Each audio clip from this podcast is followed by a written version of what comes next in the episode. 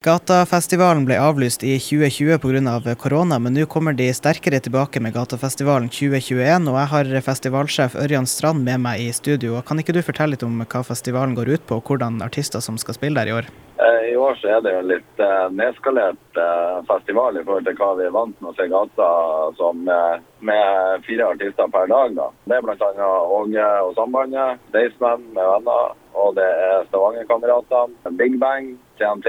Valem Tourette, min trio og uh, Underkilt. Kilt. Er det noen billetter igjen til festivalen? Nei, den er utsolgt. Den er utsolgt, den er utsolgt uh, for uh, litt over en uke siden. Er det noe igjen til Familiegata? Familiegata, der finnes det enda billetter for de som ønsker det.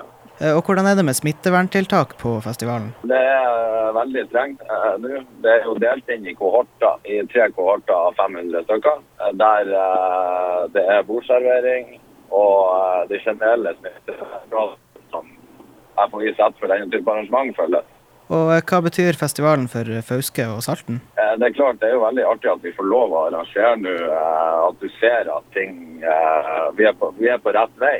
Vi får lov å gjennomføre. Vi har fått godkjenning fra Kulturdepartementet. Vi har fått god, vi har god dialog med kommune og, og smittevernlege. og skal gjøre det her på en sikker og god måte. og Det er klart det betyr jo en hel del at vi får lov å gjøre dette i, i Salten uh, rett rett før sånn som det ser ut da, at det blir ei fullåpning. Da håper vi at alt går som smurt, og lykke til med festivalen.